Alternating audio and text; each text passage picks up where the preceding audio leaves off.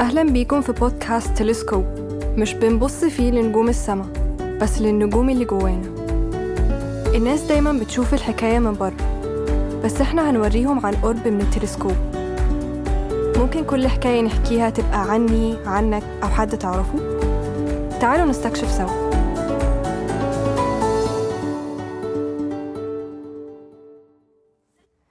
كلنا بنمر في حياتنا برحلة استكشاف وتجارب من خلالها بنعرف إحنا بنحب إيه ونحدد عايزين نعمل إيه في حياتنا. بس الفرق ما بين كل شخص والتاني هو إن كل واحد له طريقه ورحلته الخاصة بيه.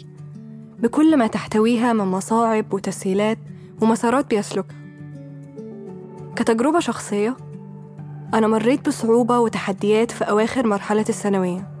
من ناحية تحديد تخصص الدراسة وطموحي وأنا عايزة أعمل إيه في المستقبل. ما كنتش زي الناس اللي محددة حلم وبتسعى وراه زي اللي عايز يبقى دكتور واللي عايز يبقى مهندس أو فنان. كنت حاسة بتخبط وحيرة شديدة وقلق لأني لسه مش عارفة إيه هو شغفي. كنت محتاجة وقت وفرص أستكشف فيها نفسي. كنت كمان حاسة إني تحت الضغط رهيب متعلق بفكرة إن ده قرار مصيري وهيشكل حياتي للأبد. كأنها نهاية العالم بقى. دخلت في دوامة تفكير وبحث وإني أجرب أعمل اختبارات بتاعة تحديد أكتر تخصص ملائم لشخصيتي. بس كل ما أوصل لإجابة برجع أخاف وأتردد. وتدور جوه دماغي أسئلة ماذا لو؟ ماذا لو اخترت حاجة وطلعت مش مناسبة ليا في الآخر؟ ماذا لو ملقتش شغل بعد ما اتخرج؟ ماذا لو اخترت تخصص بس مهاراتي وإمكانياتي طلعت مش قد كده زي ما أنا فاكرة. اللي كنت معرفوش في الوقت ده وعرفته دلوقتي هو إن الحياة كلها عبارة عن رحلة استكشاف وتجارب ما بتخلصش. وعادي إن إحنا نتحدف جوه البروسيس من غير ما نعرف إيه آخره. زي ما أنا اتحدفت كده ودرست إعلام ولقيت نفسي فيها بس هي أصلا عمرها ما خطرت على بالي أيام ثانوي أو فكرت إني أدخلها الجيل الصغير على طول بيكون تحت ضغط تحديد الأهداف من غير ما يمر بتجارب كتير تسمح له يحدد شغفه وهواياته وإمكانياته وإنه يعرف نفسه أكتر. بنتعامل على إننا محتاجين نتخذ قرارات كتير من بدري قوي. قبل ما يبقى عندنا خبرات ومعارف كافية تسمح لنا بده. من وإحنا أطفال على طول بنتسأل عايزين نبقى إيه لما نكبر؟ الإجابة غالبا بتبقى وظيفة الأم أو الأب. أو حاجة شفناها على التلفزيون وانبهرنا بيها.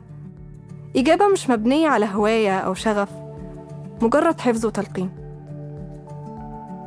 بننسى إن الحياة مليانة ثوابت ومتغيرات وإن في حاجات كتير بتتغير جوانا. نتيجة للتجارب اللي بنعدي بيها ورحلات التعلم والظروف المحيطة. على سبيل المثال ممكن في شخص يبقى عنده شغف تجاه حاجة من وهو صغير بس لما يكبر شغفه تجاه الحاجة دي بيختفي.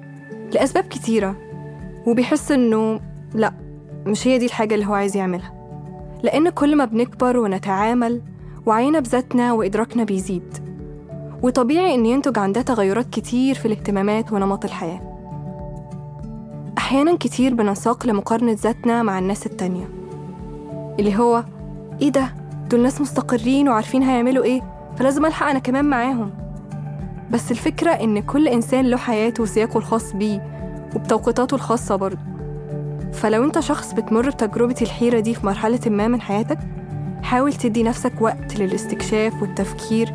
اوعى تنساق ورا فكرة إن الحياة قطر ولازم نلحقه قبل ما يفوتنا.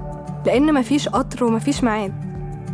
الحياة مليانة طرق ورحلات لا نهائية جواها احتمالات كتيرة قوي. أكيد في أمل إنك تلاقي الطريق المقدر ليك من بين كل ده.